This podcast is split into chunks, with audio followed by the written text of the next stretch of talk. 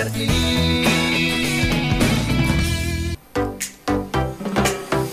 Disiarkan langsung dari Ranai Kabupaten Natuna Indonesia di Pro 299,2 FM Sore Kreativitas. Assalamualaikum warahmatullahi wabarakatuh. Selamat pagi sahabat kreatif. Semangat ya pagi ini. Semoga kamu dalam keadaan yang baik aja ya. Semangat nih untuk sahabat kreatif dan edisi hari ini hari Selasa tanggal 8 September 2020 kembali kita bersama di acara belajar di RRI kurang lebih satu jam ke depan hingga ke pukul 11 waktu Indonesia Barat. Dan di pagi hari ini sahabat kreatif akan ditemani Marisa hingga ke pukul 15 nanti. Dan pagi ini sahabat kreatif kita sudah kedatangan. Selamat pagi Pak. Selamat pagi Bu. Oke semangat ya pagi ini. Ya tetap semangat. Oke untuk menyampaikan kan. materinya ya. Iya ya. Oke. Dan sahabat kreatif untuk mapel kita pagi ini biologi untuk materinya keanekaragaman hayati. Ya Oke. Ya. Nah, pelajaran ini sahabat kreatif atau materinya khusus untuk kelas 10 atau kelas 1. Nah, untuk sahabat kreatif yang ingin tanya atau ingin bertanya pagi ini sahabat kreatif kamu bisa gabung seperti biasa di nomor WA kita di 082284254102 atau juga bisa di Messenger ya di Facebook kita di Pro2 Ranai atau bisa juga gabung di Instagram di @pro2rana langsung aja DM ya. Aku tunggu hingga ke pukul 11 nanti. Nah, untuk sahabat pelajar yang belajar di rumah atau yang udah aktif ya, uh -huh, ya. ada juga aktif di sekolah ya untuk ya, men sudah satu Natuna udah aktif Sudah ya Pak. Aktif, Oke, ya. semangat terus ya untuk sahabat kreatif semuanya. Nah Pak, sebelum kita mulai untuk ke materi kita ingin menyapa siapa dulu nih? Oke, baiklah. Assalamualaikum warahmatullahi wabarakatuh. Waalaikumsalam warahmatullahi wabarakatuh. Selamat pagi anak-anakku semuanya yang ada di Man Satu Ranai, khususnya kelas 11 IPA 1 dan kelas 10 dan semua guru yang ada di sana. Iya, Bapak ini wali kelas ya? Iya, kebetulan uh, saya wali, wali kelas. kelas. Berapa, kelas Pak? 11 IPA 1. Oke. Okay. Gimana, Pak? Udah siap? Oke, Bu, siap. Oke, silakan, Pak. Oke. Anak-anak pada pagi hari ini Bapak akan menyampaikan suatu materi yang tidak asing lagi bagi kita semua yaitu mengenai materi keanekaragaman hayati pada makhluk hidup. Nah, jadi sebelum Bapak ini Bapak akan sedikit mengulas apa sih tentang keanekaragaman itu. Nah, oke. Di sini contoh ya.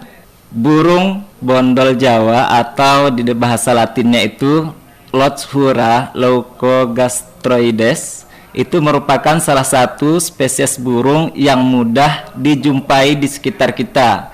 Burung yang juga dikenal dengan nama burung empirit ini sering terlihat hinggap di pepohonan sekitar rumah, bertengger di kabel listrik hingga memakan bulir padi di sawah sehingga kerap dianggap sebagai hama oleh petani.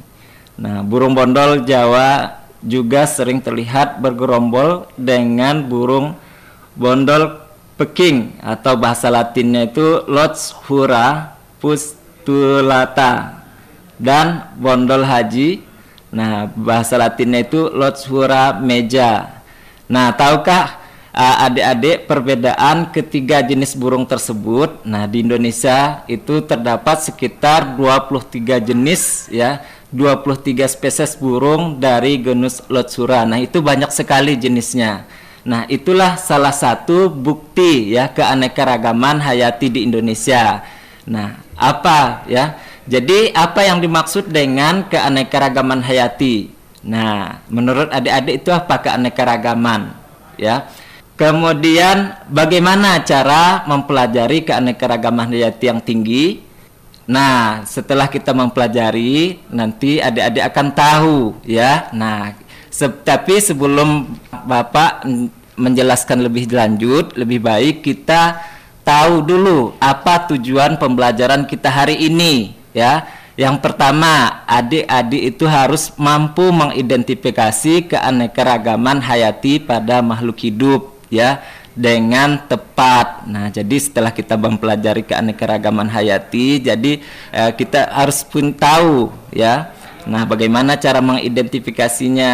Kemudian yang kedua, adik-adik itu mampu mengamati dari uh, dan mengelompokkan keanekaragaman hayati di lingkungan sekolah dengan benar ya. Nah, jadi adik-adik itu harus uh, bisa mengelompokkan ya uh, di lingkungan sekitar sekolah. Kemudian adik-adik itu mampu mengidentifikasi persebaran fauna di Indonesia dengan tepat ya. Nah, yang keempat, adik-adik mampu mengidentifikasi manfaat hewan dan tumbuhan di lingkungan sekitar dengan tepat ya. Kemudian tujuan pembelajaran selanjutnya yaitu adik-adik mampu mengidentifikasi cara mengelompokkan makhluk hidup dengan tepat ya. Nah, kemudian uh, Tujuan selanjutnya adik-adik mampu membuat kunci determinasi dengan benar. Nah, itulah uh, tujuan dari pembelajaran kita hari ini.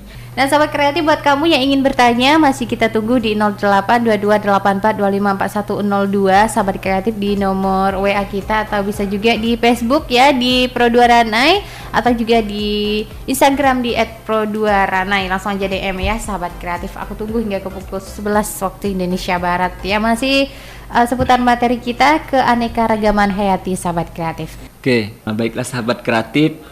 Tadi di awal kita sudah jelaskan ya mengenai keanekaragaman ya seperti apa. Nah, di sini Bapak akan menjelaskan sedikit ya. Pertama, itu mengenai pengertian dan jenis-jenis keanekaragaman hayati. Keanekaragaman hayati itu adalah keanekaragaman hayati menunjukkan keseluruhan variasi gen, jenis, dan ekosistem di suatu daerah Nah, jadi keanekaragaman hayati pada manusia merupakan keanekaragaman hayati tingkat gen. Nah, jadi pada manusia ini merupakan keanekaragaman hayati tingkat gen. Nah, keanekaragaman tingkat gen ini merupakan keanekaragaman individu dalam satu spesies ya ya ingat ya sahabat kreatif bahwa keanekaragaman hayati pada manusia itu merupakan keanekaragaman tingkat gen keanekaragaman ter tersebut itu terbentuk karena varia variasi gen ya Nah, adanya variasi gen itu menyebabkan keanekaragaman hayati ada dua faktor yaitu faktor genetik dan faktor luar. Nah, apa itu faktor genetik? Nah, faktor genetik itu bersifat relatif konstan atau stabil ya. Nah, pengaruhnya terhadap morfologi atau fenotip ya organisme. Adapun faktor luar ya relatif lebih ya labil pengaruhnya terhadap morfologi atau fenotip ya organisme. Jadi secara garis besar keanekaragaman hayati itu terbagi menjadi dua tiga tingkat yaitu ada keanekaragaman gen, ada keanekaragaman jenis dan keanekaragaman ekosistem. Keanekaragaman gen merupakan unit terkecil yang terdapat dalam kromosom. Nah, ini yang berfungsi untuk mengatur dan mengendalikan sifat keturunan suatu makhluk hidup. Contohnya seperti apa tuh Pak? Ya, contohnya ini, nah keanekaragaman gen ini dapat terjadi secara alami akibat perkawinan antara makhluk hidup dan sejenis. Nah, kalau contohnya ini warna ya, warna bunga hidrongegea itu ditentukan oleh kadar keasaman tanah. Mm -hmm. Nah, sedangkan jika tumbuhan tidak ada kadar asam apa keasaman ya, keasamannya rendah, bunga hidrongea akan berwarna biru terang. Jadi ada faktor luarnya juga Bu yang mempengaruhi. Oke, jadi mempengaruhi ya. Iya.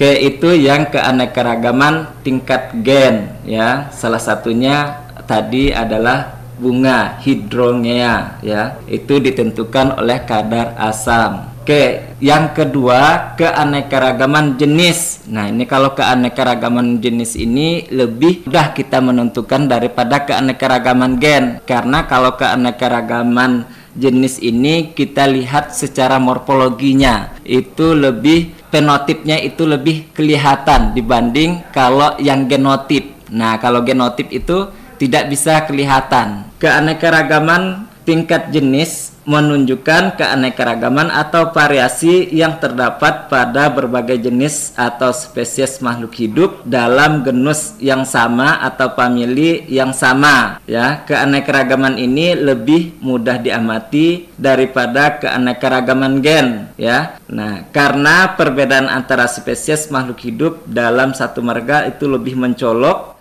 daripada perbedaan antara individu dalam satu spesies. Nah, contohnya keanekaragaman jenis yaitu antara tumbuhan sukun misalnya. Tahu kan uh, sahabat kreatif? Nah, tanaman sukun ada cempedak, ada nangka. Nah, ini ketiganya termasuk dalam genus yang sama yaitu Artocarpus ya namun ketiganya mempunyai ciri fisik yang berbeda ya. Kemudian yang selanjutnya ada keanekaragaman ekosistem. Nah ini lebih luas lagi ya uh, sahabat kreatif. Keanekaragaman ekosistem ya ekosistem sendiri merupakan suatu kesatuan yang dibentuk oleh hubungan timbal balik antara makhluk hidup atau biotik dengan lingkungannya atau abiotik ya. Hubungan timbal balik ini yang akan menimbulkan tipe vegetasi atau tumbuhan dengan tipe hewan yang spesifik ya. Perbedaan komponen-komponen penyusun ekosistem tersebut mengakibatkan perubahan dari interaksi yang ada sehingga menciptakan ekosistem yang berbeda pula. Nah, itulah ada tiga contoh ya keanekaragaman hayati ya. Nah, ada keanekaragaman tingkat gen, ada keanekaragaman tingkat jenis dan keanekaragaman tingkat ekosistem. Beberapa keanekaragaman hayati sahabat kreatif ya ada tiga ya pak. Ya. Gen, gen, jenis, jenis dan, dan ekosistem. ekosistem sahabat kreatif ya. Keanekaragaman hayati itu menggambarkan bermacam-macam makhluk hidup ya. Iya pastinya. Karena kita hidup itu. Oke sahabat kreatif buat kamu yang ingin bergabung masih kita tunggu ya di 08 22 0284254102 sahabat kreatif ya. Jadi silakan aja nih yang ingin mengulang pelajarannya ya atau yang sedang belajar saat ini entah itu mengerjakan tugas ya dari guru-guru sahabat kreatif semangat terus. Nah, sebelum kita lanjut lagi ke materi kita sahabat kreatif, kita akan hadirkan satu lagu dan pastinya tetap stay tune. Takkan selamanya Tanganku mendekatmu selamanya. Raga ini menjagamu. Seperti alunan detak jantungku. Tak bertahan melawan waktu Dan semua keindahan yang cinta yang telah hilang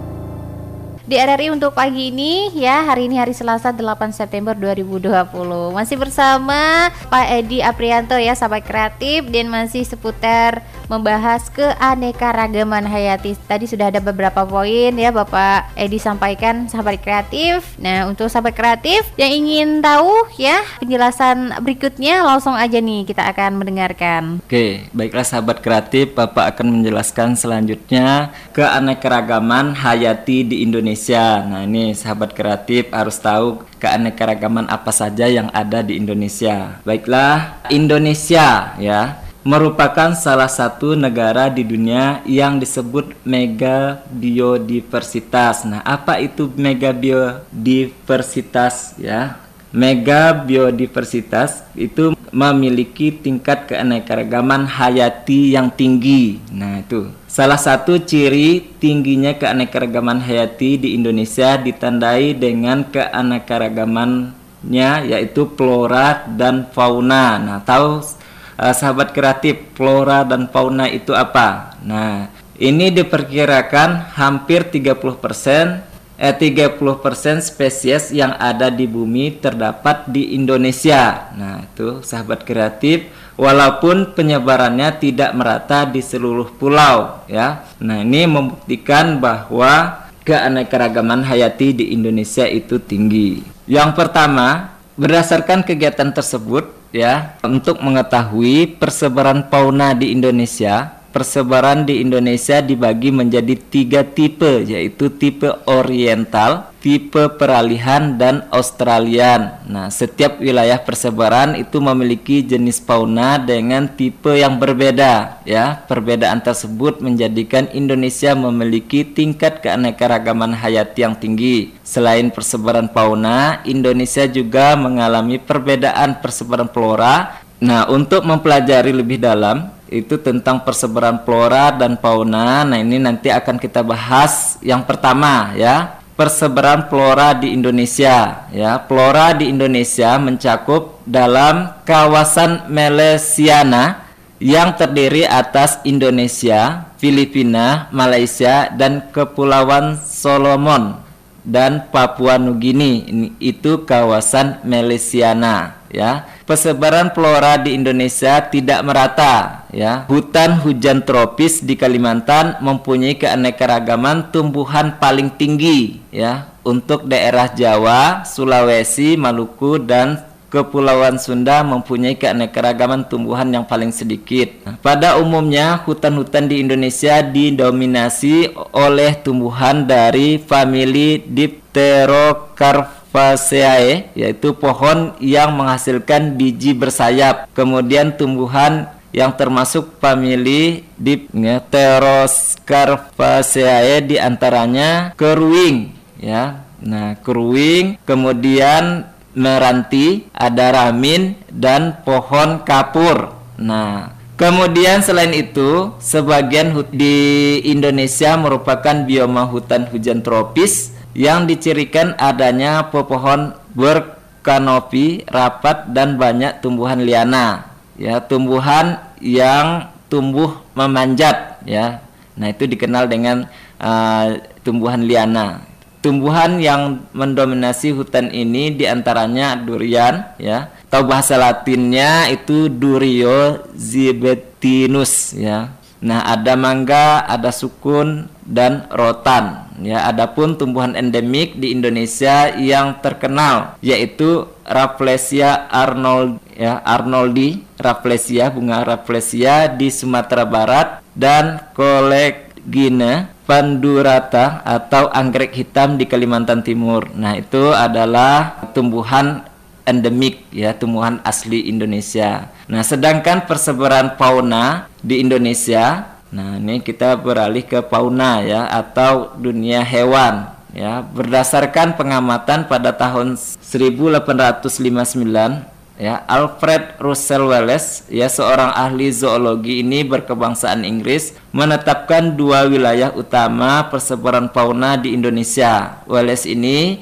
membuat garis pemisah abstrak ya mulai dari Selat Lombok ke utara hingga Selat Sulawesi dan Filipina Selatan. Garis Welles ini memisahkan jenis fauna Indonesia bagian barat, daerah oriental dengan bagian timur, daerah Australian. Ya, daerah oriental ini meliputi Sumatera, Jawa, Bali, Kalimantan, dan Madura. Sementara itu daerah Australian meliputi Sulawesi, Papua dan pulau-pulau di sekitarnya. Nah, Welles, orang ahli zoologi berkebangsaan Jerman bernama Weber juga melakukan penelitian tentang persebaran hewan-hewan di Indonesia. Ya, menurut Weber, hewan-hewan di Sulawesi tidak dapat ya separuhnya dikelompokkan sebagai hewan berkelompok Australian. Ya, hewan di Sulawesi ada yang memiliki sifat seperti hewan di daerah oriental. Nah, berdasarkan hasil pengamatan, Weber membuat garis pemisah abstrak ya yang berada di sebelah timur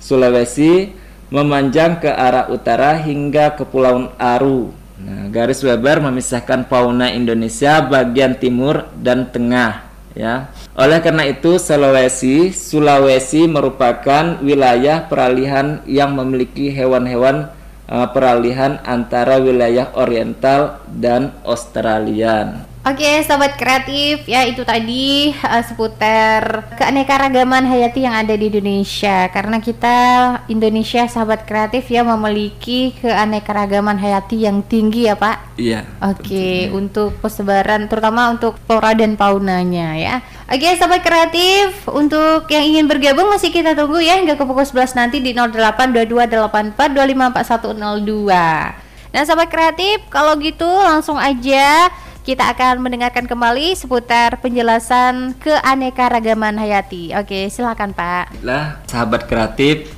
ini uh, merupakan sub materi yang terakhir ya uh, mengenai klasifikasi keanekaragaman hayati. Nah, keanekaragaman makhluk hidup yang melimpah sangat sulit dipelajari tentunya ya sahabat kreatif oleh karena itu perlu dilakukan pengelompokan atau klasifikasi makhluk hidup nah klasifikasi yang dilakukan oleh para ahli biologi mempunyai beberapa tujuan yang pertama yaitu mendeskripsikan ciri-ciri makhluk hidup untuk membedakan tiap-tiap jenis ya agar mudah dikenal. Nah, itu. Yang kedua, mengelompokkan makhluk hidup berdasarkan ciri-cirinya. Ya. Yang ketiga, tujuan yang ketiga, mengetahui hubungan kekerabatan antara makhluk hidup. Yang tujuan yang keempat, mengetahui evolusi makhluk hidup atas dasar kekerabatannya. Nah, itulah tujuan dari pengelompokan makhluk hidup, ya. Nah, selain itu, klasifikasi juga memiliki manfaat yang secara langsung dapat diterapkan bagi kepentingan manusia, ya.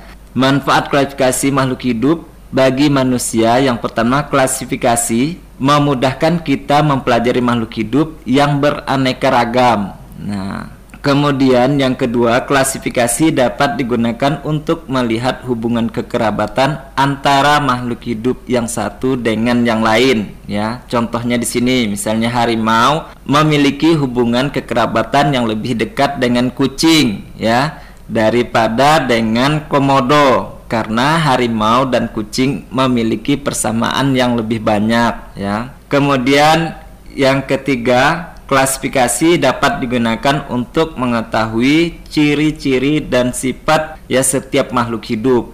Kemudian klasifikasi dapat digunakan untuk mengetahui adanya saling ketergantungan antara makhluk hidup yang satu dengan yang lain. Nah, itu mengenai klasifikasi ya, gambaran kenapa harus dikelompokkan. Nah, itu supaya kita mudah untuk mempelajari makhluk hidup tersebut. Untuk kesimpulannya, jadi keanekaragaman hayati ini begitu luas ya di Indonesia. Bahkan eh, Indonesia ini dikenal sebagai negara mega biodiversitas. Ya, mega biodiversitas ini adalah keanekaragaman yang tinggi ya. Nah, itu patut kita syukuri ya juga harus bisa merawat atau melestarikan yang sudah diberikan oleh Allah SWT ya untuk kita manfaatkan. Nah, dan kita lestarikan tentunya. Nah, jadi klasifikasi tadi adalah untuk mengelompokkan makhluk hidup ya supaya kita mudah untuk mempelajari ya karena apa Eh, di Indonesia itu banyak sekali keanekaragaman ya. Kalau tidak bisa dipisah itu maka akan sulit dipelajari. Itu saja sih kesimpulan yang Bapak sampaikan untuk pagi hari ini. Oke sahabat kreatif. Nah, sahabat kreatif, pastinya em, sepertinya kita sudah di penghujung acara nih, sahabat kreatif, dan dan pastinya terima kasih untuk sahabat kreatif yang selalu stay tune. Dan semoga kita bakal jumpa lagi ya Pak di lain kesempatan. Oke, oke. Nah, sahabat kreatif, semoga materinya bermanfaat ya untuk sahabat pelajar yang yang sedang belajar ya, yang ingin mengulang pelajarannya juga. Dan pastinya sahabat kreatif, sampai di sini dulu kita bersama di acara belajar DRRI untuk pagi ini edisi Selasa 8 September 2020 dan aku Marisa dan juga Pak Edi Aprianto SPD dari Man 1 Natuna ya, sahabat kreatif kita ucapkan selamat pagi, sampai jumpa. Wassalamualaikum warahmatullahi wabarakatuh.